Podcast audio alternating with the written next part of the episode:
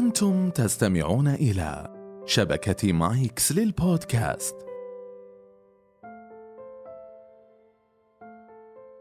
يا أهلا وسهلا بالصباحين والمسائيين من أصدقائي الجميلين. مرحبا بكم في حلقة جديدة من بودكاست كنبة السبت البودكاست الذي يحمل طابع نفسي واجتماعي وفلسفي في أحيان أخرى لوجهة واحدة وجهة الإثراء الممتع. أهلا بكم في هذا الشهر الفضيل الشهر الجميل الشهر الروحاني. أصلا احترت شوي أنه أقول هل أقول الصباحيين والمسائيين لأنه أعتقد أن الآن كلنا أصبحنا كائنات مسائية وأصبح الجميع يسهر والصباح صار صعب بالنسبة لنا يعني حتى في العمل. صار صعب في أي وقت لأننا صايمين في النهاية طبعا. طبعا بيجي فئة من الناس بتقول لا بالعكس الصيام هو طاقة والصيام لا يجب أن يكون يعني في هذا التعكير في المزاج و يعني وتجي النصائح هذه. إلا أني ما أفضلها بالكامل. في النهاية الصوم هو أصلا تعب وهذا اللي يفترض أنه يكون حتى يكون في تهذيب للنفس. ومو بس كذا يعني أتمنى أن نصوم عن أشياء كثير نصوم عن الأشياء السلبية اللي كنا نسويها. نصوم ونهذب أنفسنا عن كل العادات السيئة اللي كانت تلازمنا. أيضا يعني نهذب أرواحنا نزكي أنفسنا. كل هذا وأكثر نقدر نسويه وإحنا صايمين أكثر من فقط الصوم عن الأكل والشرب كما اعتدنا أن نقول.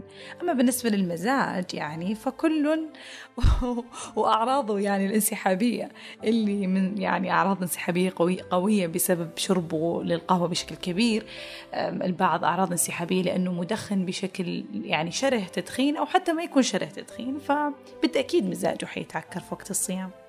يعني فخلونا لا نحكم على بعض. بليز يعني. والبعض أعراض انسحابية بسبب الأكل. يعني يا جماعة أنا من الساعة تسعة صباح أقوم من العشرة للدوام إلى ستة مغرب. أنا ما أكلت بيض ترى مو عادي مو عادي الوضع. لكن نحتسب الأجر عند الله وهذه الفكرة يعني الجهاد هذا هو. فلا أحد يحكم علينا إن إحنا زعلانين إحنا مو بكامل مزاجنا إحنا مو بأفضل أحوالنا. لا بأس. طالما طالما إن الشخص ما يعني يتعدى حدود الأدب ما يعني يعصب إلى درجة إنه يتخطى الأداب اللي يفترض إنها تكون بين الأشخاص. يعني هنا طبعا احكم وهزه وهزه لأنه فعلا صار موقف كذا قبل كم يوم كنت طالعة مع group يعني activity قاعدين نسوي نشاط سوية يعني. فواحدة من البنات متعودة عليها مزاجها رائع وهي كابتن الفريق أصلا. هو يعني شيء رياضي اللي إحنا نسويه. فهي كابتن فريق وروحها عالية جدا وتنظم الفريق وبالكامل وكذا. فجاء يوم أول مرة نسوي رياضة سوا في, في, في فترة الصباح يعني وإحنا صايمين في العصر. فواحدة من البنات الأخريات كانت تقول لهذه الكابتن إنه يا الله ما شكلك بالمزاج you you الصيام إيش مسوي فيك؟ wow. بدأت كيف يعني تعطي هذه التعليقات والتلميحات إنه إحنا ملاحظين قديش مزاجك سيء. فالكابتن يعني بدأت تشعر بالانزعاج ان هي already أصلا منزعجة هي already قاعد يعني فيها أعراض انسحابية قوية من القهوة ويعني شربها للقهوه أثناء يومها كثير ومتعودة عليها في كل صباح وكل عصر ومغرب وقبل رياضتها وبعد رياضتها. فلما انسحبت يعني والآن هي صايمة صار يعني صار فيها تعكر في المزاج وصار عندها عصبية لكنها ماسكة نفسها. البنت إلى الآن مسوية كنترول يعني محافظة على نفسيتها بأفضل صورة. فليش انت قاعدة تستفزينها وتأكدين لها قديش هي مو مو بالمزاج وما هي كويسة؟ بس ما في مشكلة. الكابتن حاولت إنها فعلا تمسك أعصابها إلى آخر المشوار. لما فطرنا وكنا قاعدين سوا نفطر فرجعوا مرة ثانية أوه الحمد لله رجعت نفسيتك انبسطتي عشانك شربتي قهوة. ما أدري صارت هي تضحك. الكابتن إنسانة ذوق حتى هم يعني هم ما يقصدون الأذية. أنا بس أعلق على موقف يحصل لنا جميعا يعني. ف... فأكيد إنك كنت يعني أوه شوفي الحين كيف روقتي شوفي كيف وهي يعني أخذت الموضوع يعني بشكل ودي. فبدأنا يعني بدأت كل واحدة من البنات والموجودين إنه يا كابتن ترى في طريقة إنك يعني كيف تبطلين القهوة؟ وعلى فكرة لما بدأت طرق النصائح أنا كنت منهم أنا كنت من هؤلاء المخطئين. فكنت أقول لها ترى في طريقة يعني إنك تقدرين قبل يبدأ رمضان تبدأين تاخذين كوب واحد بس بعدين كوبين بعدين زي كوبين بعدين كوب بعدين في أيام قبل رمضان لا تاخذين أبدا قهوة هكذا يعني قعدنا نقول نصائح وإحنا واحدة ثانية تقول لا ترى أفضل شيء إنك أبدأ يعني من قهوة لشاهي مدري إيه. وإحنا نقول نصايح. أنا قاعدة أطالع في وجه الكابتن. الكابتن قاعد تطالع بوجه سيدة يعني.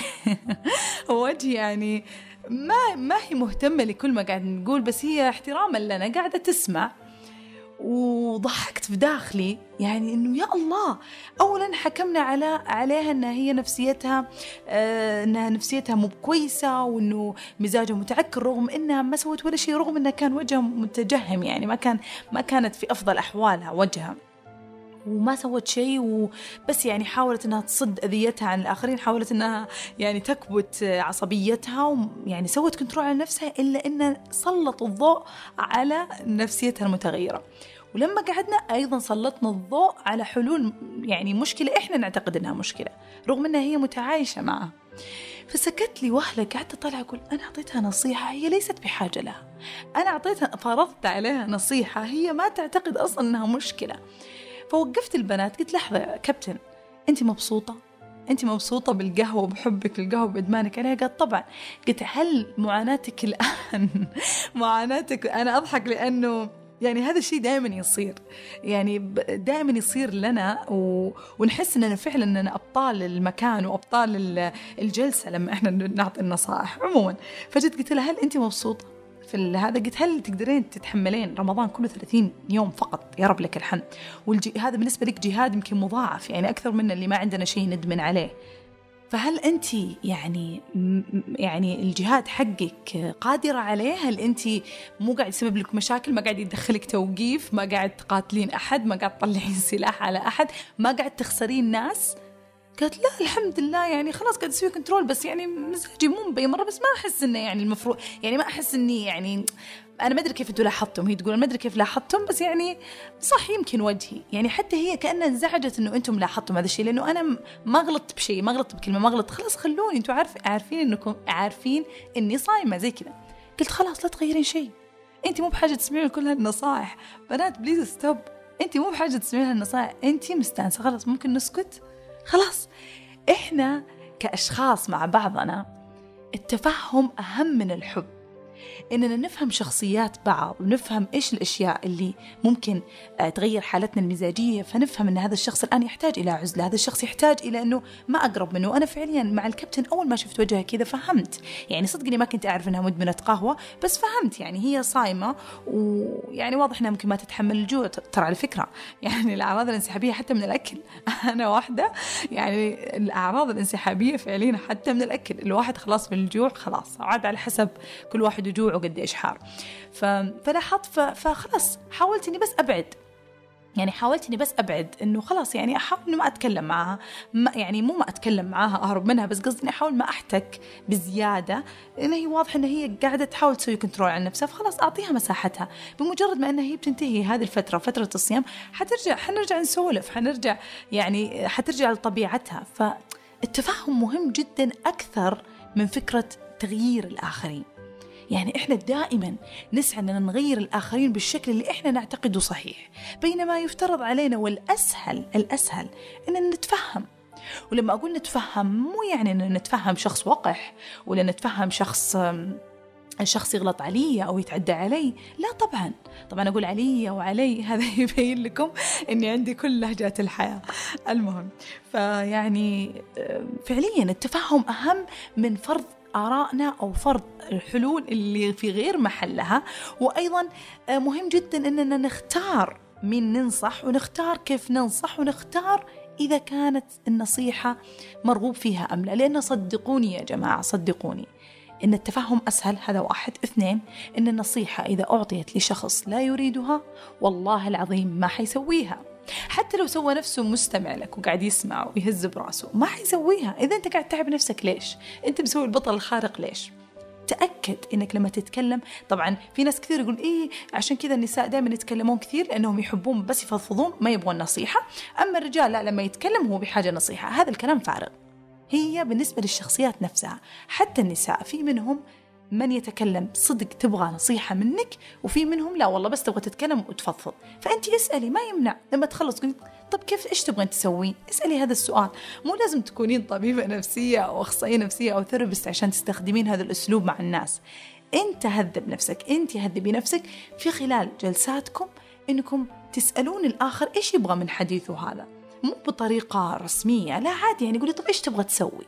بس أسأله إيش تبغى تسوي؟ هو بيقول أنا ما أدري إيش أسوي. فعلا يا أخي أبغى حل. لما بيقول لك هذه الكلمة أنت بتنطلق بنصائحك بتستوعب أنه هو يبغى حل. أو مثلا يقول الله ما أدري خلاص خلها على الله. خلاص اعرف أنه هو بس كان يبغى يفضفض. عادي. وقول معاه إي والله ربك يحلها. لأنه هو ممكن واصل أصلا لمرحلة تقبل وتفهم بس هو بس يحتاج تفريغ. فيفرق لما شخص صديقك أو صديقتك تيجي تشكي لك ترى النصيحة وقت في الوقت الغير مرغوب فيها تكون أثقل. أثقل يعني أثقل من المشكلة اللي هو فيه لأنك كأنك تضغطه كأنك تأنبه أنه في حلول وأنت لم تستطيع أن تفعلها. فإما أنك أنت تسأله زي ما قلت بهذه الطريقة فتعرف ويبغى الحل فتعطيه أو ما يبغى الحل فتنصت وتتفهم وهذا أو إنك اسمع الفضفضة كاملة وفي يوم آخر افتح الموضوع. يكون هو بكامل وعيه بدون انفعال بدون شيء. وابدأ أسأله يعني يوم ذاك اليوم أنت تحس إنك حليت الأمر. مثلا إذا أنت مرة مرة مهتم لأنه إحنا إيش نبغى؟ لما نعطي نصيحه إحنا إيش نبغى؟ نبغى نساعد الشخص الآخر إحنا مهتمين. فإذا أنت فعلا مهتم اعرف كيف تهتم صح. اعرف كيف تكون إضافة صحيحة للشخص الآخر.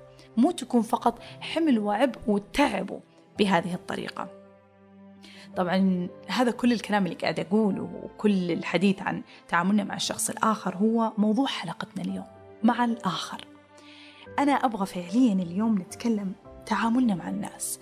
طبعا كثير من الأيام أنا أحط كذا قواعد عامة في, في تويتر في طريقة التعامل مع الناس. أكيد أنها تكون خبرات شخصية وأيضا أشوف من قصص الناس آه، من حوالي سواء في العيادة أو في الحياة أو في غيره.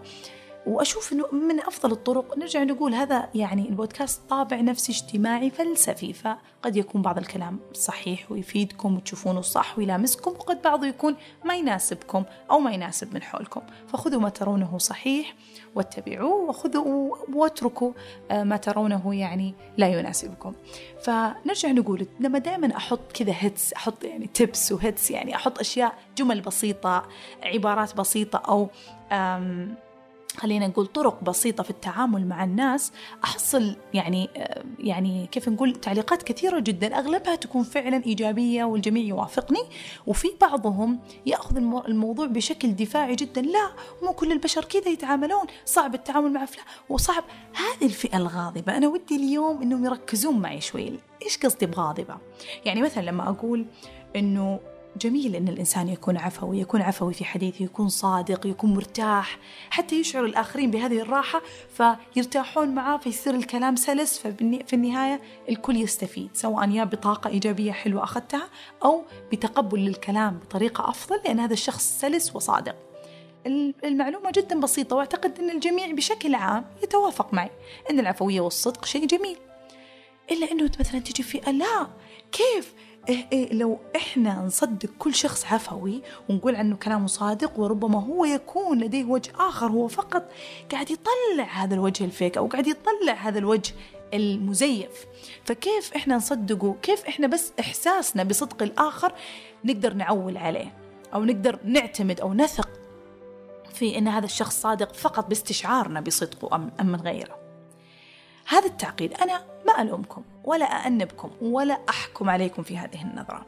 بس أنا أقول لكم وأنصحكم هذه الفئة لما أنا أقول غاضبة قد تكون هذه كل اللي أنتم تحملونه تجاه الناس بشكل عام وخوفكم من الثقة المطلقة أو خوفكم من الثقة اللي تهدى بسهولة هو تجارب شخصية.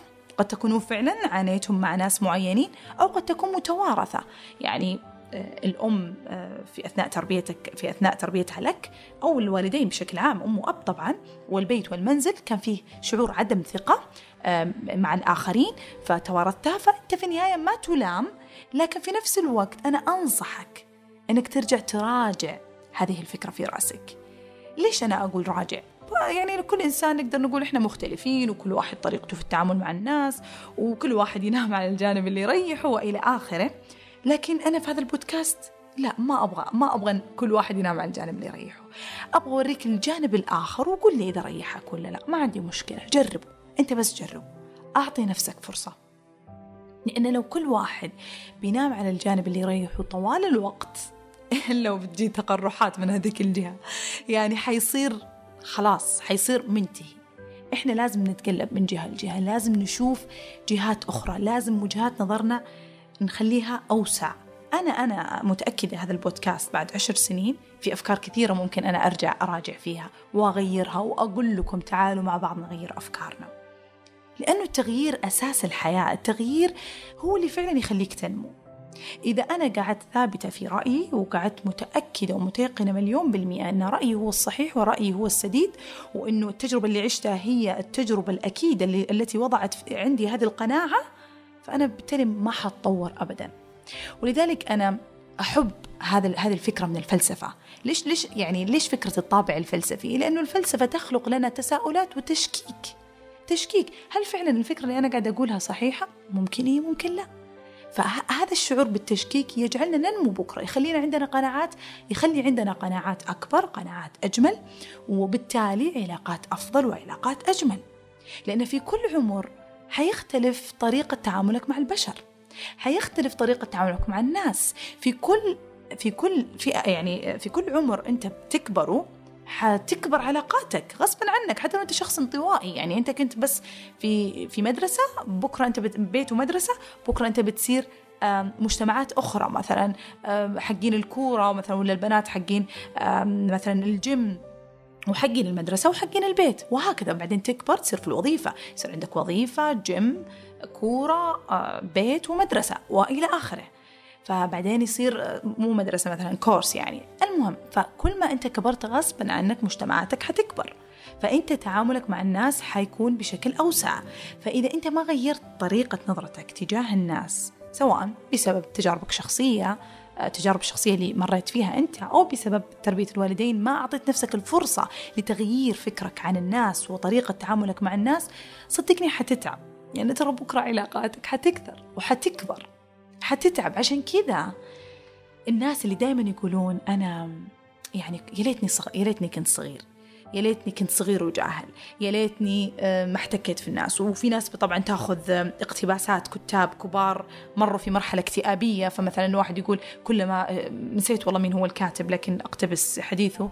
يعني هو يعني قال لك حكيم زمان والمهم إنه كل ما يعني كل ما احتكيت في الناس علمت علمت يعني قديش الوحدة شيء جميل. هذه اقتباسات يعني أدبية. لا يفترض أنها تكون قاعدة. أبدية عندك. أنا أنا ممكن أقول هذه الجملة في في أحيان مثلا في شهر من الأشهر أعاني من بعض الناس أتعب وأقول أوه يا زين الوحدة. بس عادي كشكوى كحلطمة كشعور أشعر به. لكن لا تكون قناعتك. لا تكون قناعتك إنك أنت تكره الناس بشكل كا بشكل يعني آه بشكل كلي وإنه فعليا لا لا لا ويجي يناقشني أحد كذا يقول لي لا لا يفهم عليه ما عليه ما عليه. الإنسان لا يكثر علاقاته ويكون بعيد عن الناس ويرتاح ومن هالكلام.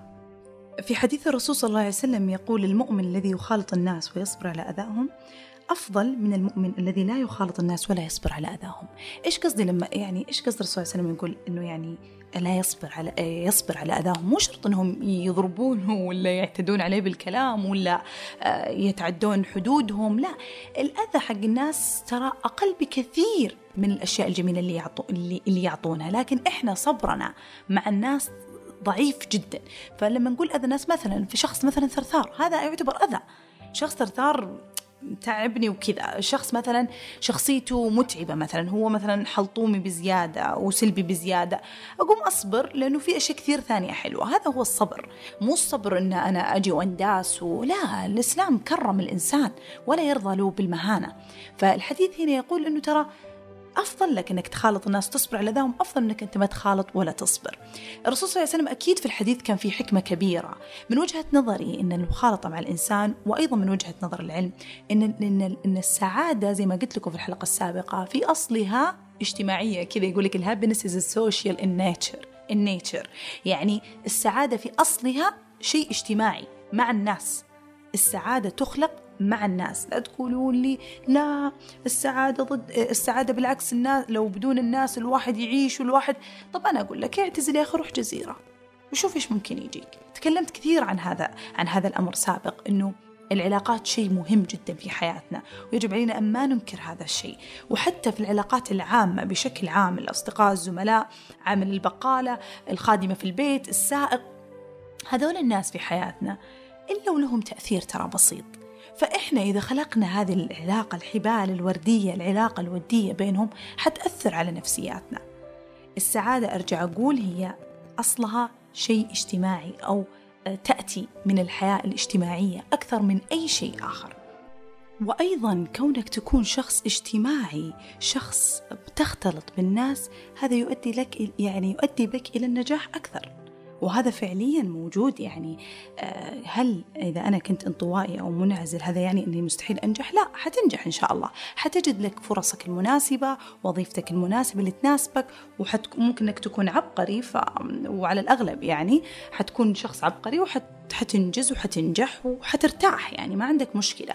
لكن اللي يسعون اللي دائما ينظرون إلى المشاهير مثلا أو ينظرون إلى الناس الناجحين بزيادة ويقولون يا أخي كيف صاروا كذا؟ يا أخي مدري إيه. أنا أقول لك الحياة الأشخاص الناجحين الصاعدين آه، بشكل كبير عادة تكون حياتهم أو نجاحاتهم وصعودهم يكون عبر الناس. عبر الناس. أنا ما أقول عبر الناس يعني واسطة لا. عبر الناس بالعلاقات. الفرص تأتي من الناس اللي أنت تعرفهم. أنت تعرف الشخص الأول هذا هذا الشخص يعرف هذا هذا يعرف هذا. يقوم هذا يوصي على هذا وهذا يوصي على هذا. الفرص العمل تجي من أشخاص. فرص ال ال ال أي أي يعني أي وظائف أي خلينا نقول الإشادة عليك أو شيء تكون عبر الناس. فالناس يؤدون بك إلى النجاح متى ما آمنت بذلك. أما إذا كانت معتقداتك عن الناس أنهم هم يجرونك إلى الأسفل وأن الناس ترغب أن الناس تحسد أن الناس تنظر لك بصورة بصورة مليانة غيرة مليانة مخاوف مل... وإلى آخره تأكد أن هذا الأمر حيحصل. لأن كل شيء تركز عليه يحصل لك سواء تركز على أشياء جميلة ورائعة عشان تنجح حتنجح وإذا ركزت على الأشياء السلبية ومخاوفك حتحصل. أنا أحب أقول لك هالكلام. كل ما ركزت على الشيء حصل. فعشان كذا غير معتقداتك غير أفكارك تجاه الناس. كل ما آمنت بالناس وثقت بالناس بادلوك هذه الثقة. وكانوا قدها لأنهم هم يستشعرون هذه الثقة اللي أنت تسلمها لهم. طيب بيجي شخص يقول لي طيب أفنان معليش أنا وثقت وثقت. طبعا هذا الكلام على طول تبدأ الحلطمة. أنا وثقت بأشخاص كثر وفي النهاية أنا ما شفت منهم إلا البلاء. وأنا ماشي طبعا لما تيجي كثر يطلعون شخصين وعلاقات من في المراهقة أصلا هو شخص لسه ما كان ناضج. وأنا أقول لكم كل اللي يسمعوني في هذا السن الصغيرة علاقاتكم لا ليست ناضجة بعد. حتى لو أنتم تشعرون انكم أنتم في افضل العلاقات الان افضل اصدقاء افضل احبه لسه قدامكم شيء اجمل واجمل. العلاقات في النضوج افضل وافضل اعمق اكبر. وأيضا يعني تكون يعني أكثر مركزة أكثر. يعني مثلا عند يكون عندك علاقات ناس آه، تساعدك فعلا معنويا في ناس تساعدك ماديا في ناس وجودها لك بهجة وإلى آخره. تكون انت مركز كل شخص إيش ممكن يقدر يضيف لك في حياتك. ما تطالعها بمنظرة منظر آه، مصلحة طبعا لأنك أنت أيضا تقدم لهم. لكن نرجع نتكلم عن الثقة. فالثقة أول ما يجي الشخص يتحلطم يقول أنا والله طب أنا ناس كثير آه يعني ناس كثير أنا وثقت فيهم وخانوا هذه الثقة. خانوا. يبدأ الكلام الدرامي كذا بطريقة قوية. أنا آسفة لكم أكيد أن الموقف كان مؤلم. لكن ليش أقول درامي؟ لأنك أخذت المنظر أخذت الموقف بطريقة عاطفية وفقط. وأنا في هذا البودكاست من أول حلقة إلى آخر حلقة دائما أقول لكم كيف لازم نعيش المشاعر بعدها. Stop الآن ابدأ دراسة الأمر بطريقة منطقية. لأنه العقل وضعه الله لك بهذا الوزن وبهذا الكبر وتستطيع أنك أنت تسوي فيه اللي ما يتسوى حرام أنك فقط تشغل القلب فقط. حرام أنك تشغل المشاعر وفقط المن... العقل وجد حتى يهذبك حتى يهذبك العاطفة جميلة حتى تزينك بس العقل وجد حتى يهذبك. فعيب إن إحنا ما نستخدمه. فتوقف عن الحلطمة انتهى. يعني توقف فعلا. ارجع ادرس ليش هذيك العلاقة صار فيها كذا. ليش هذاك الإنسان خان هذيك الثقة؟ أنا ما أقول ارجع لوم نفسك زي ما دائما أقول لكن تأكد إيش كان في غلط. مثلا زي ما قلت أحيانا يكون عطائك المفرط. أحيانا يكون عفويتك المفرطة أو المفرطة. أحد المستمعين الرائعين جاني في الدايركت قال لي أفنان انت الحلقة الماضية ترى قلتي مفرطة ما قلتي مفرطة. مفرطة هي الشيء الكثير. المفرطة هي أعطاني معناها والله بس الحين نسيت. صراحة كانت من أجمل يعني من أجمل الملاحظات. لأني أنا واحدة أحب اللغة جدا. فشكرا شكرا للي قال لي هذا الموضوع. فعموما نرجع نقول آه إنه يعني هي أنت ممكن يكون فعلا كان عطائك مفرط. ممكن كان مشاعرك تجاه هذا الشخص يعني مف... أيضا مشاعر مفرطة. فما كان يستحقها هذا الشخص خلينا نقول يعني. فكنت أنت مثلا متعلقة و إلى آخره فبالتالي في غلط من جهتك يجب عليك أن تصححها في علاقتك القادمة لأن تكرار الغلط يكرر الموقف. انت بتكرر الغلط بيصير لك نفس الحدث. ما فهمت رسالتك من هذه العلاقة وقسوتها حيتكرر لك نفس هذه العلاقة وقسوتها. وأتذكر مرة نصيحة قالها لي أخوي. يعني ما أنساها إلى يومكم هذا قبل عشر سنوات تقريبا كنت أولى جامعة.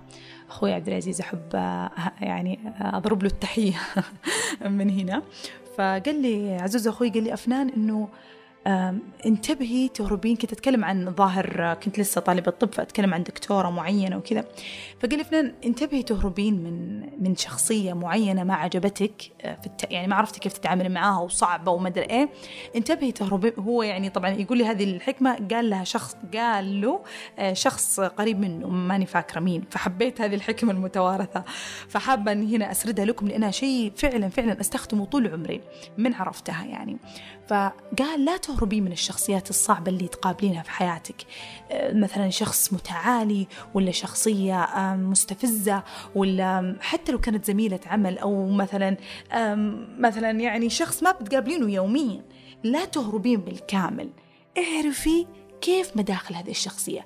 كيف ممكن إنك مو شرط تكسبين حبها وتكسبين لا أنت زي ما قلت يعني أنت هذه العلاقة علاقة سطحية أصلا. بس كيف تكوني تكوني بصفها أو تكون بصفك اعرفي مداخل الشخصية هذه ادرسيها واجهيها بالعكس. لما أقول واجهيها مو روحي ضاربيها لا واجه هذه الشخصية يعني إنك روح تعايش معها لا تهرب منها ولا تنفر منها.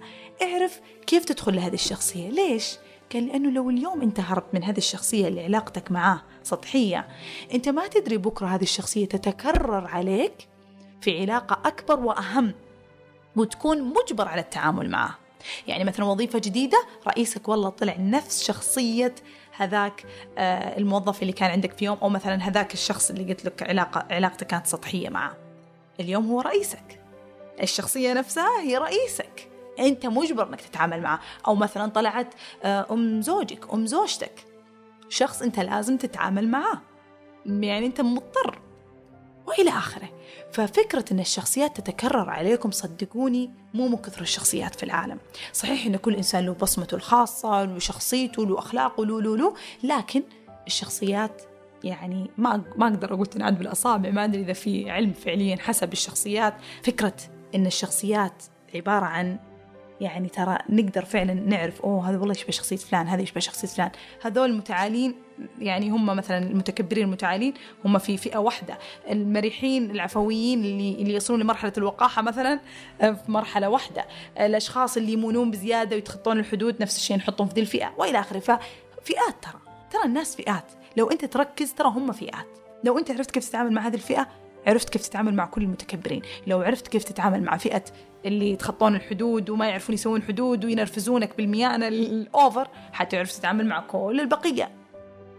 فأنت بكذا عرفت كيف تتعامل مع البشر.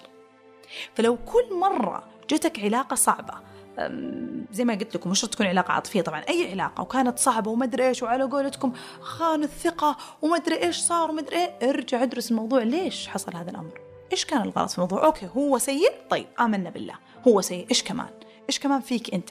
لأن إن الله لا يغير ما بقوم حتى يغيروا ما بأنفسهم. كل ابتلاء يحصل لك في هذه الحياة هو رسالة كونية من الله ليغير فيك شيء ليحدث فيك أمر. لأن أمر المؤمن كله خير زي ما قلنا قبل. فهو لك لصالحك. الابتلاء مو فقط تكفير ذنوب. الابتلاء شيء يصنع في داخلك شيء. إما مثلا يزيدك قوة أو يزيدك صلابة أو أو مثلا يزيدك ثقة في نفسك مثلا إنك أنت تقدر تتحمل الكثير. ترى هذه هذه الحالة هذه الحالة تعتبر سمة كبيرة نقدر نطلع فيها من المصائب. فأنت لما بتطالع فيها بهذه النظرة وتغير ما في ما بنفسك صدقني لن تتكرر عليك هذه الشخصيات اللي تخون الثقة. لأن طبع الناس طبع الناس بشكل عام الناس خيرة والناس فيهم خير والناس طيبة. الدليل الدليل خلونا نوثق هذا في هذا البودكاست اللي بيقعد إن شاء الله إلى أمد طويل في ال social media بإذن الله. يعني البارحة وقبل أمس خمسة مليون ريال في خلال يوم واحد دفعوها الناس من أجل أن يخرجون مديون آه، في داخل السجن. ما يعرفونه ولا يعرفون تفاصيل حياته كم من كلمة بس هو أب لأبناء كذا كذا كذا كذا هو مديون. طبعا أكيد إنه يعني عن طريق فرجت الله يعز حكومتنا بهذا التطبيق الرائع وفي الفكرة الرائعة اللي تخلينا نضمن إننا إحنا ندافعين لشخص مديون ما هو مجرم مثلا فقط مديون. فبكل ثقة إحنا آه، ندفع لو بريال ريالين. إحنا ما ندري كم شخص دفع في هذه الخمسة مليون. ما ندري فعليا كم الأشخاص. لكن عرفنا أنه في يوم الشعب تكافت حتى دفع خمسة مليون. طبعا هذه هذه حالة من مليون ألف حالة فرجت فعلا فيها حيوات ناس وساعدنا فيها ناس كانوا ممكن أنهم آه، يعيشون إلى سنوات كثيرة بعيدين عن أهلهم فقط لأنهم سقطوا في ديون يعني فالله يكون في عونهم يا رب يفرج عنهم جميعا آه، ويسهل أمورهم يا رب. فهذه الفكرة. يعني معقولة معقولة عدد الأشخاص هذول اللي اللي دفعوا الخمسة مليون وهذا التعاطف الكبير اللي عندهم وهذا العطاء الكبير عندهم هذول معقولة ما فيهم خير؟ هذا العدد كله معقولة ما فيه خير؟ معقولة هذول الناس مو هم اللي أنت قاعد تصادفهم يوميا؟ أنت فقط لم تجيد كيف تخرج الجيد في الناس. هذا اللي أبغى أبغى المهارة اللي أنتم تمشونها. أنا اليوم في هذا البودكاست أنا ما أقدر يعني زي ما دائما أقول ما أقدر أعطي A B C بالضبط كيف نتعامل مع الناس. ال ال الأشياء هذه الاجتماعية والأمور اللي يكون فيها تعامل مع الناس وهذا في بعض الناس لما يسوون دورات يقولون A B C D سو كذا. أنا أشوفها شوي طريقة يعني تعتبر عملية تفقدنا الروح آه، الروح الحلوة في التعامل مع الناس والفلكسبيليتي أو اللي هي المرونة. في التعامل مع الناس. زي ما قلت يعني لما لما ردوا علي الناس في تغريدة العفوية أنه طب كيف؟ لا كيف أثق في الناس وهذا؟ قلت أنه لا يجب أن يكون التعامل مع الناس بهذا التعقيد. لما أقول بهذا التعقيد أنا ما أبغى أقول لك آه، لما تسوي كذا ترى بيجيك كذا لما كذا بتسوي لا لا. ما ما هو ما هو رياضيات ما هي معادلات. إذا كتبت كذا تطلع نتيجة كذا وإذا كتبت كذا تطلع نتيجة كذا. التعامل مع الناس مختلف لأنهم شخصيات مختلفة. لأنهم غير غير متوقع ردود الأفعال. فأنت جرب زي ما قلت يعني جرب الجانب الثاني نام على الجانب الآخر وجرب. شوف إيش يطلع معك. فقط أنا أعطي هنا قواعد عامة أفكار عامة. نغير معتقداتنا سوا بطريقة كذا واسعة. نوسع مداركنا سوا. إنه نعطي احتمال جديد إنه الناس فعلا فيها خير. وإن الناس آه نقدر نثق فيها بأريحية. وإنه الثقة تخلي حياتنا أسهل. وعلى فكرة هذه قواعد بنيت على دراسات كثيرة. تذكرون الكتاب اللي تكلمت لكم عليه أنه أسعد الناس في الدنمارك؟ آه، يعني تكلم عن الثقة بشكل كبير. من الثقة كانت من أهم الأشياء الموجودة في في في مدينة الدنمارك ولذلك هي من أسعد دول العالم.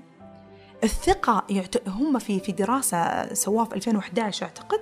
أيوه في 2011 كانت من أعلى درجات آه، الثقة بين الناس أعلى الدول كانت نمبر 1 رقم واحد الدنمارك 89% نسبة الثقة بين الناس في الدنمارك. بعدها تجي النرويج فنلندا السويد طبعا ما أعتقد أنهم مشوا على كل الدول عشان ما أقول أن السعودية آخر شيء ولا في النص ولا يعني ما أقدر أحكم لأنها ما كانت موجودة.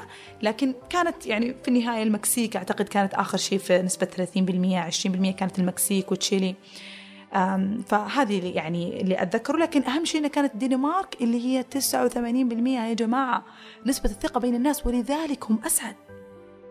فعليا كانوا يقولون أهل الدنمارك يقولون هم بنفسهم يقولون أنه آه، ثقتنا بيننا وبين بعض آه، يعني تجعلنا راضين عن حياتنا أكثر. وشفتوا كلام أجدادنا لما يقولون والله إحنا ما كان بيننا عقود كنا الواحد بكلمته كنا الواحد نقول خذ هذا الشيء وخذ هذا الشيء وخلاص ما بيننا ورق ما بيننا عقود. الواحد قد كلمته. نثق في بعضنا ونمشي وفعلا يمشي الموضوع. طب الحين نقول لا بالعكس هم كانوا زمان غلط. الحين أحسن أن الواحد يسوي. طب الحين حتى بالورق الشخص اللي يخون الثقة موجود. وهذا عشان كذا المحاكم موجودة والقانون موجود. والشخص اللي اللي فعلا آه فعلا مليان ثقة وشخص يستحق الثقة وثق فعلا بالورق ومشى. فالمقصد إنه زمان والآن ترى نفس الشيء بس الآن في قانون يحميك. لكن انت كتعاملك مع البشر انت تقدر انك انت تثق بالشخص الآخر كليا. هل أنا أقصد إنه العقود غلط والمفروض ما يكون في عقود؟ لا طبعا. أنا صراحة مع أن الأشخاص يمشون بطريقة مريحة. لكن أنا بس أقول حقيقة أقول حقيقة إن الثقة لما ذهبت آه، من عندنا كشعوب وأصبح في ورق وأصبح في معاملات وأصبح في هذا أصبح تعامل الناس وصار في اللي هي البروفيشناليزم اللي هي المهنية وصار في القوانين والقواعد والروز وكل ما لها تثقل وكل ما لها تكبر أصبح التعامل بين الناس أصعب. مو مو مو قد يعني مو قد تخيلنا إن التعامل بيصير خلاص سهل هذا قانون نمشي لا أصبح التعامل مع الناس أصعب. أصبحت المشاعر أثقل. فالفكرة اللي أنا أبغى أوصلها إنه إحنا يجب علينا أن نظهر ثقتنا في الآخرين. أتذكر استشارية سودانية عندنا كانت في المستشفى كانت تقول إنه يعني أنا مرة في البداية تعبت أنا هنا في في السعودية. تعبت من فكرة الحضور أجي أوقع وأجي أوقع وأنا خارجة. تعبت من فكرة إنه رئيسي ما يثق إني أنا جاية آه، للدوام من أول ساعة إلى آخر ساعة وأعمل بكل حب وإخلاص. كنت ضحكت قلت لها دكتورة يعني مو الكل طب كذا. إيش نسوي؟ قالت أنت صادقة. بس إحنا في السودان هي بالنسبة لها تتكلم تقول إحنا في السودان في يعني في مستشفاها على الأقل هي تكلمت عن نفسها يعني. لكن أنا أنا متأكدة أن الشعب السوداني ما شاء الله كله أنا شعب أقدره وأحبه جدا. فتقول إنه إحنا المستشفى كنا فعليا ما في شيء اسمه سيك ليف ما في شيء اسمه آه، يعني اللي هي إجازة مرضية أقدم ورقة أقدم تقرير. فعليا أكلم فلان فلاني امسك عني اليوم أنا تعبانة لأني أنا فعلا مستحيل أتهرب عن عملي. كلهم كذا. تقول نغطي عن بعض بدون ما نسأل السبب وبكرة ما يجي يعني ما يجي ما يتذكر حتى هو غطى عني. يعطيني إيش سوى وعشان أكمل على شغلي ونفس الشيء أنا في يوم آخر وخلاص. كذا الحياة عبارة عن واثقين بعض واثقين إن إحنا بنأدي عملنا بكل إخلاص وإنه اللي عنده ظرف نحترمه ونقوم بشغله ونقوم بعمله حتى حتى يرجع بكامل يعني صحته وعافيته. فالثقة فعليا فعليا تجعل من الحياة أسهل. تجعل من الحياة أسهل حتى في التعامل. ولأنه الأشخاص اللي يعطون ثقة ويأخذون الثقة يعني يثقون بالآخرين وهم يسلمون هذه الثقة هم بالعادة صادقين هم ما, ما في شخص يثق ويعطي ثقة وياخذ ثقة وهو غير صادق. مستحيل. لأنه بيكذب الآخرين. الكذاب أنا آسف أني أتهم الكثير منه لكن الكذاب أو اللي يستخدم كذبات كثيرة عادة يكون صعب عليه يثق. لأنه يقول طب لو كان كذاب هذاك لو كان ما هذا هذه الكلمة أصلا اللي نقولها لما ما نثق في الآخرين. نقول كيف أثق فيه؟ طب يمكن كذاب. كيف أثق فيه؟ يمكن مو صادق. ذكرت موقف مع بنت أختي لمار اسمها. عمرها 15 سنة فكنا نسولف عن شيء مختلف تماما. كنا نتكلم عن القناعات وما القناعات. فكنت أقول لها أنه يا لمار لما تجيك أي post أي مثلا إنستغرام واتساب أو حتى قال يعني أو حتى معلومة قالت لا أنه رجعت تأكدت من المعلومة في موقع مدري إيش أنه يعني أكيد أو أنه الموقع هذا آه، مثبت يعني.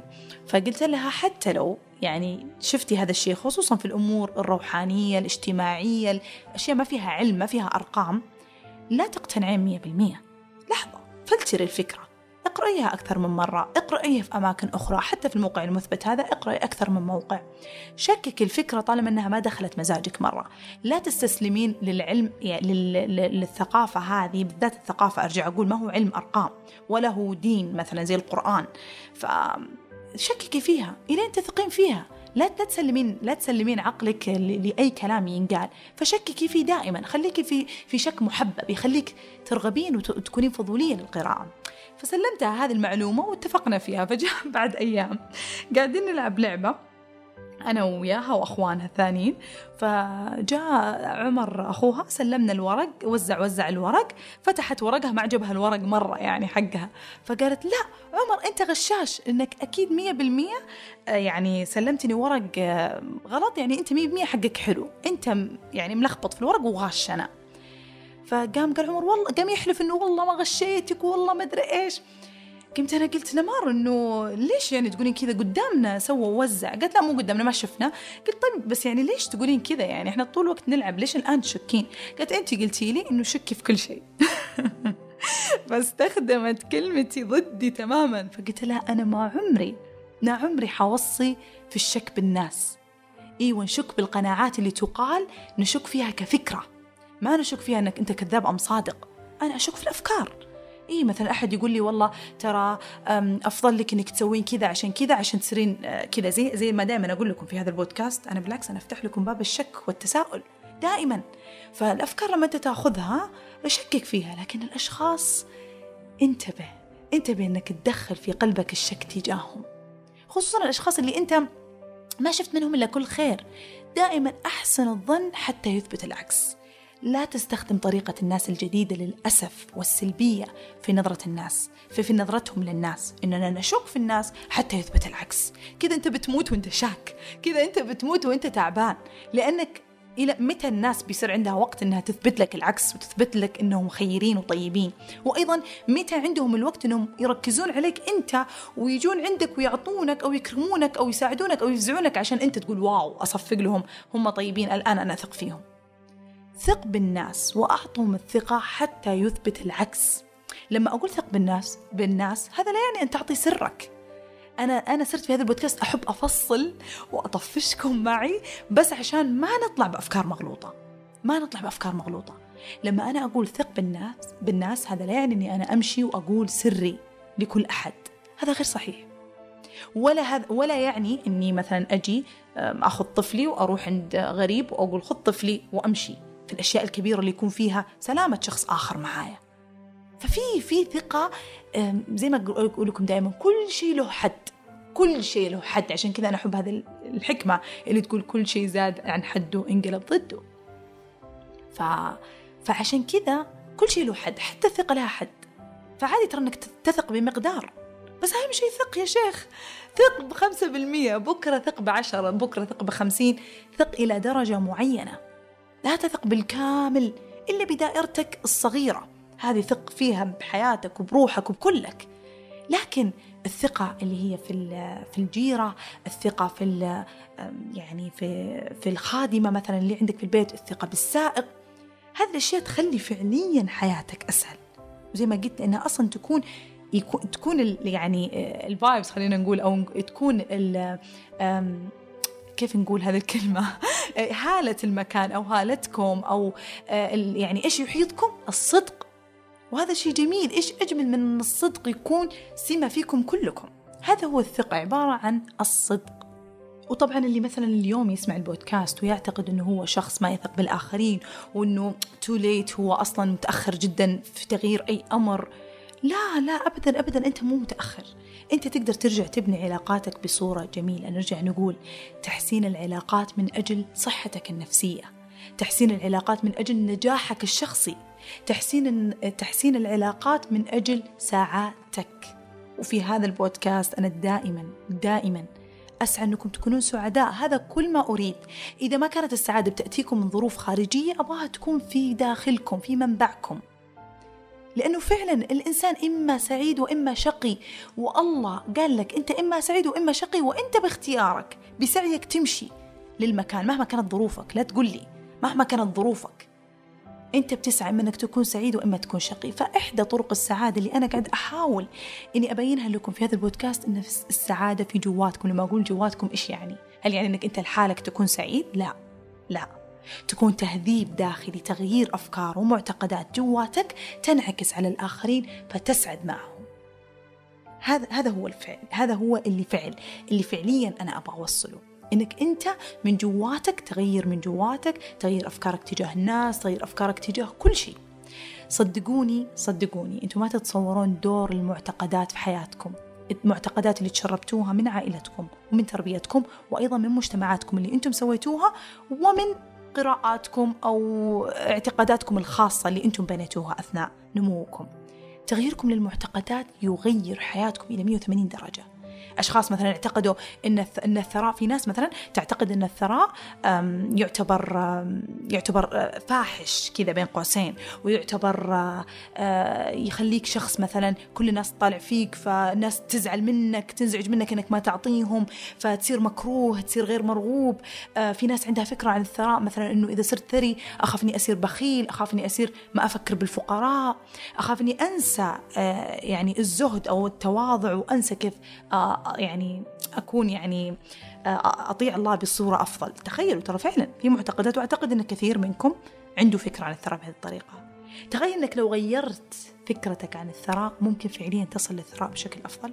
هذا بس يعني استطردت بفكرة عشان أوضح لكم قديش تغيير معتقدات مو بسهل. دوره مو بسهل. في العيادات النفسية لما يصير آه، أي مرض نفسي من الأمراض النفسية لما نسوي علاجات سلوكية أول شيء إحنا نغير نغير المعتقدات. نغير المعتقدات لأن المخاوف أصلا معتقدات.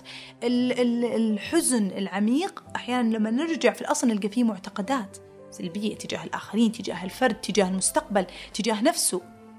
فتغيير المعتقدات مو بسهل. اليوم أنا قاعدة أتكلم عن معتقداتنا تجاه الناس. تجاه مو شرط الأحباب فقط تجاه الغرباء تجاه الزملاء تجاه الرؤساء. فأنت دائما بحاجة إلى أنك تثق حتى يثبت العكس تثق بمقدار بمقدار يجعلك سعيد. أنا واثق أن هذا الشخص بيساعدني فأنا أطلب المساعدة بأريحية. أنا واثق أن هذا الشخص لو لو قلت له هذا الشيء أو لو قلت له هذا ما حيخر ما حيخ يعني يخبر أحد يعني مو شرط يكون سر كبير بس أنا أقول لكم يعني إنه لازم تكون ثقتنا آه، في الناس موجودة. لأن هي اللي فعليا حتسعدنا هي اللي حتشعرنا بالرضا. يعني وزي ما قلت لكم مجربة حتى في الدنمارك. طبعا بعد الثقة دائما دائما يجي يعني أنا أشوف بالنسبة لي أشوف التعاطف. أصلا الناس الصادقة تقدر تشعر بصدق الآخرين تقدر تستشعر صدق الآخرين تقدر تستشعر أيضا مشاعرهم. فيصير عندها هذا حس التعاطف. التعاطف يجعلنا مجموعة يجعلنا أنا أشعر بأذاك وأنت تشعر بأذاي.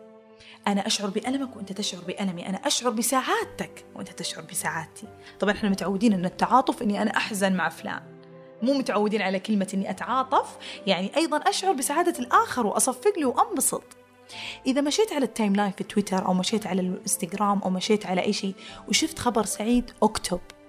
أكتب ألف مبروك. إيش بيفرق معك؟ حتى لو شخص غريب ما تعرفه وما يعرفك مرة.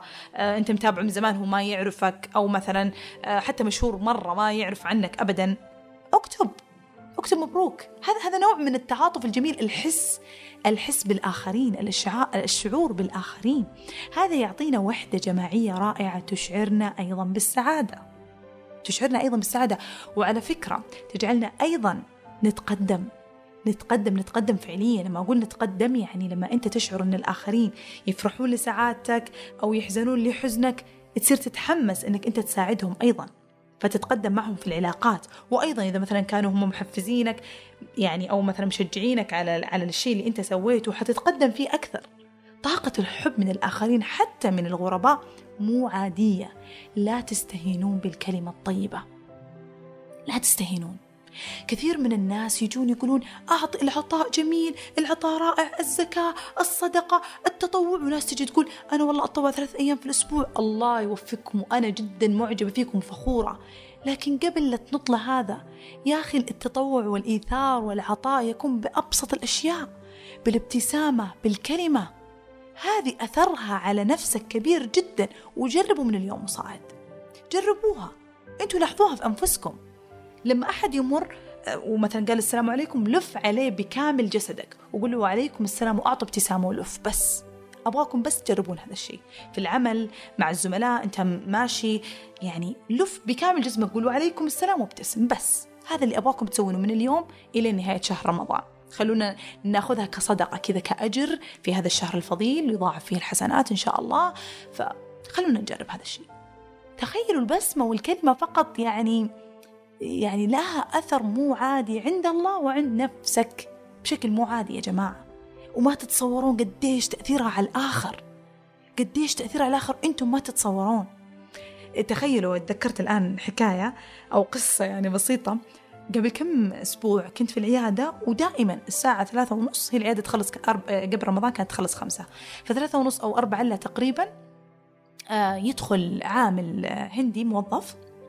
لابس لبس يعني آه، العمال العمال النظافة يعني. فيدخل يدق الباب ما في ما في مريضة عندي فيدخل يقول إنه excuse me يعني يصلح وأنتم كرامه زبالة يغير الكيسة ويعدلها ويطلع. فمر اليوم الأول ونفس الشيء مر اليوم الثاني اعتدت دخوله في نفس الوقت يعني.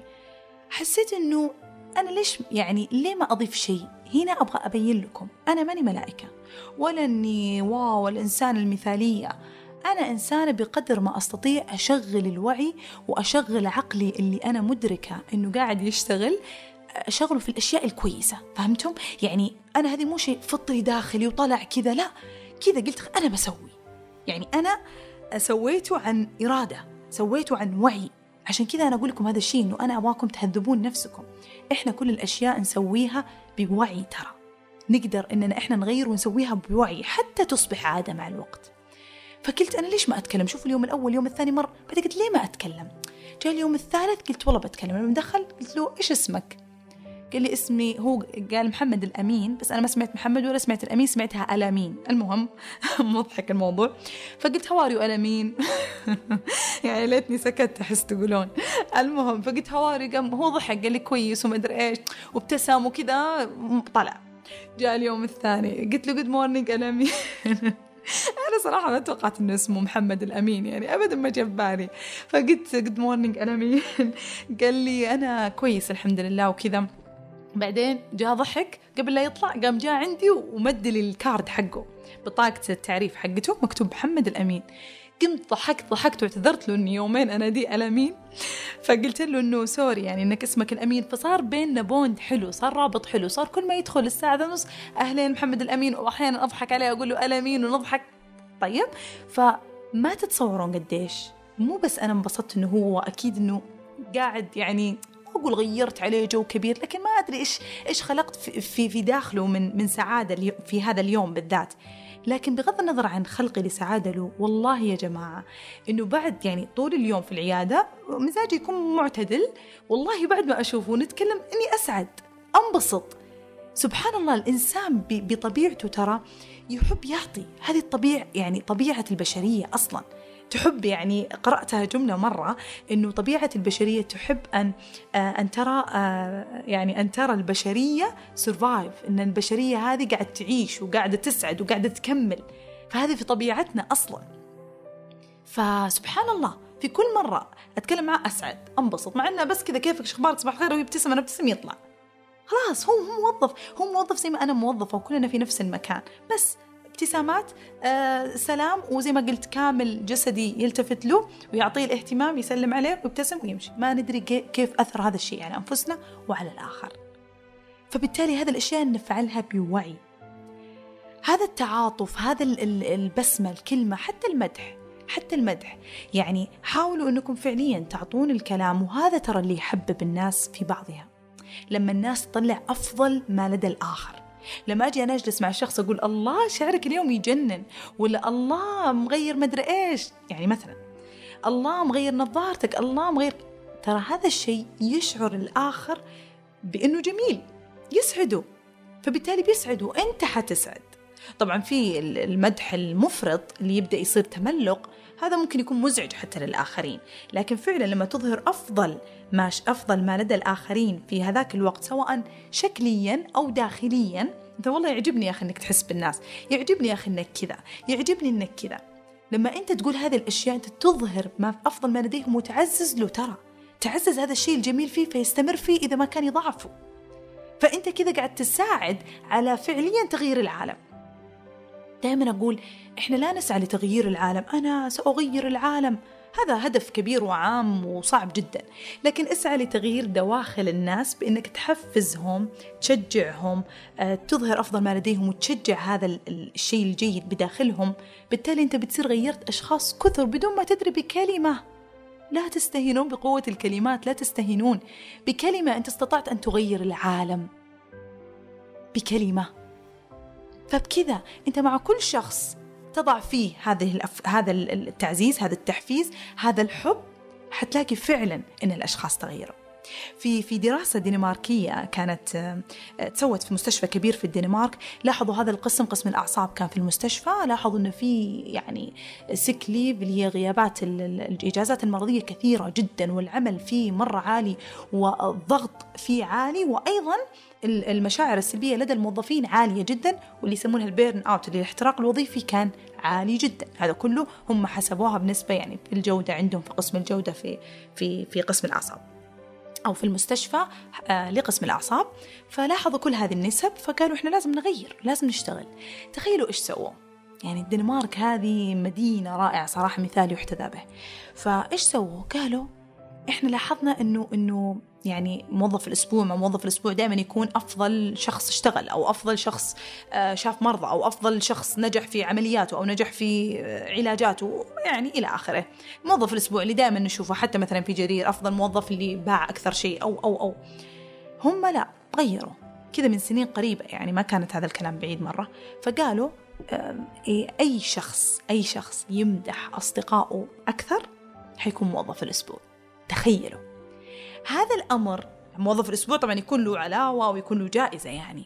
فتخيلوا هذا الأمر خلى في team work أكثر خلى في عمل جماعي أكثر خلى في تعاون أكثر خلى في تعاطف أكثر خلى في حب لدرجة إن إجازات المرضية قلت إلى 75% تخيلوا 75% قلت الإجازات المرضية. هذا يعني أن الموظفين شعروا أنهم يبغون يروحون الدوام. لأن في حب هناك. في كلمات إيجابية. تخيل praising تخيلوا أن praising other مدح الآخرين بيخليك موظف الأسبوع. أسهل شيء. أسهل شيء لما صار الأمر في جائزة صار الواحد والله صديقي في أشياء إيجابية كنت أحسب إنه مليان أشياء سلبية. طلعت الأشياء الإيجابية الآن. فبالتالي لما تكلموا عن هذه ال ال ال الأشياء الإيجابية في الآخرين هم أيضا شعروا بسعادة وصاروا يجون. صاروا يجون.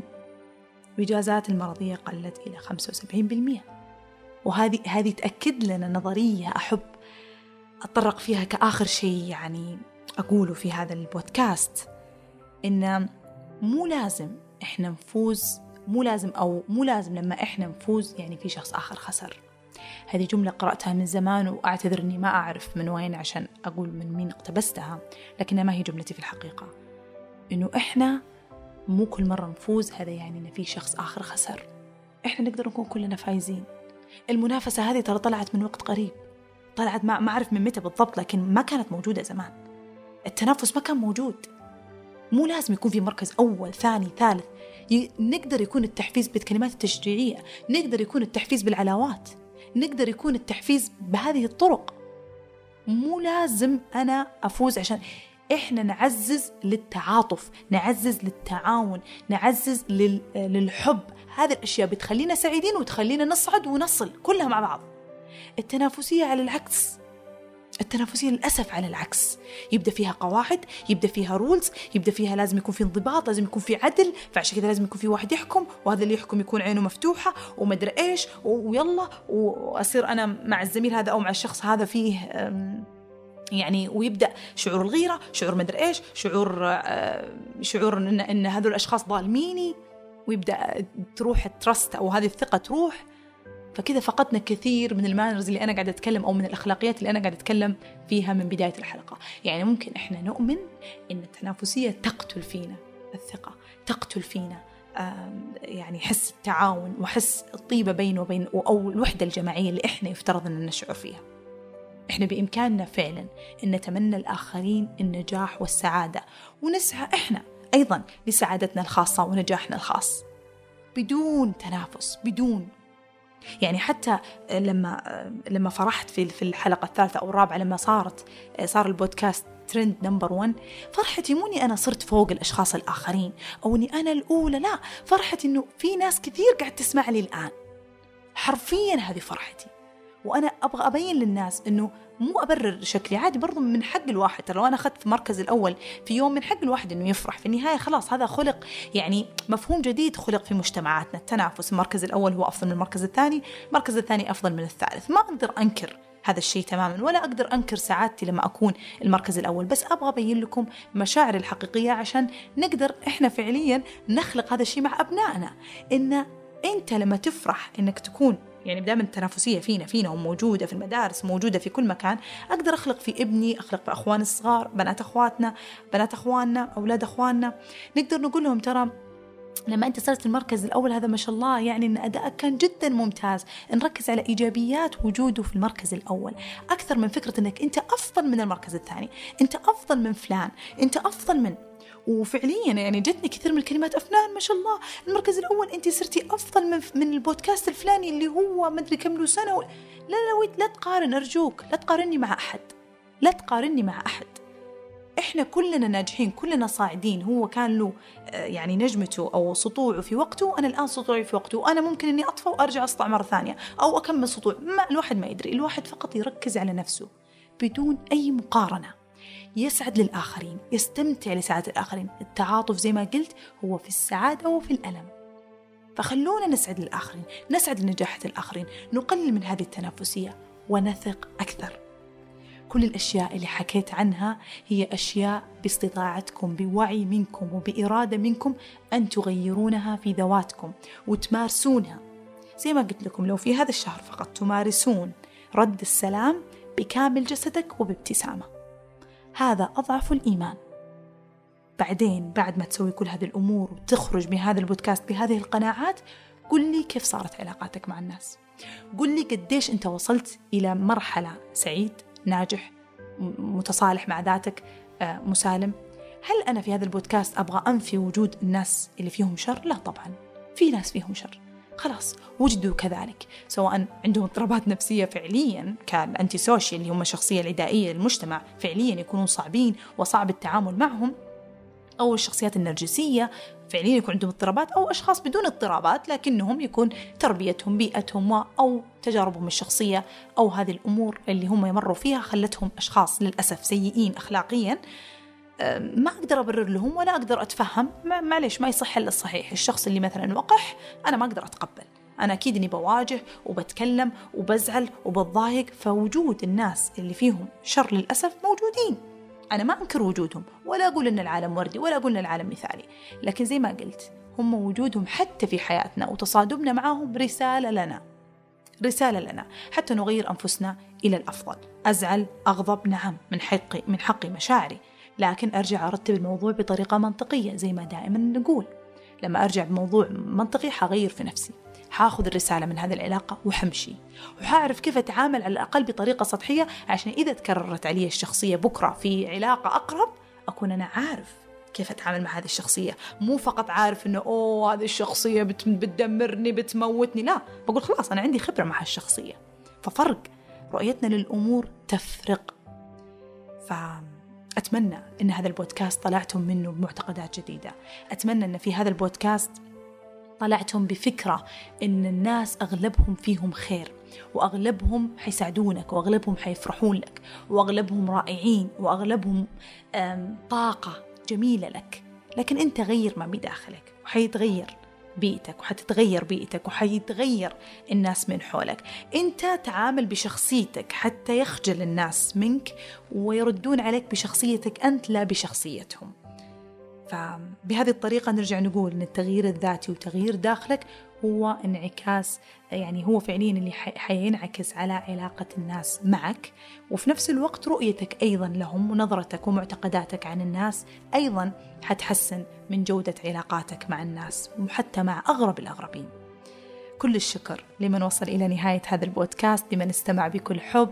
ولكل الحب اللي تهدوني إياه في تعليقات بودكاست يعني أبل بودكاست أو في تعليقات في تويتر في direct direct يعني حسابي أو direct كنبة السبت وفي ال mention. أحبكم أحبكم أحبكم فعلا أحبكم. وما تصورون قديش حبكم وعطائكم بالكلمات الجميلة هذه يعني الكثير ويحفزني ويشجعني ويحمسني. آه إني إني أعطي أكثر وأتكلم أكثر. شاكرة لكم. وأتمنى لكم كل السعادة وكل الود. وبإذن الله ألتقي بكم في حلقة سبت قادمة تكون في نهاية رمضان اللي الله يتمم لنا آه، على خير بإذن الله. وما ينتهي إلا وإحنا كلنا ووالدينا ومن أحب ومن أحبنا فيه ومن أحببناه فيه معتوق رقابنا من النار بإذن الله. أحبكم مجددا وإلى كنبة سبت قادمة بإذن الله. وإلى اللقاء.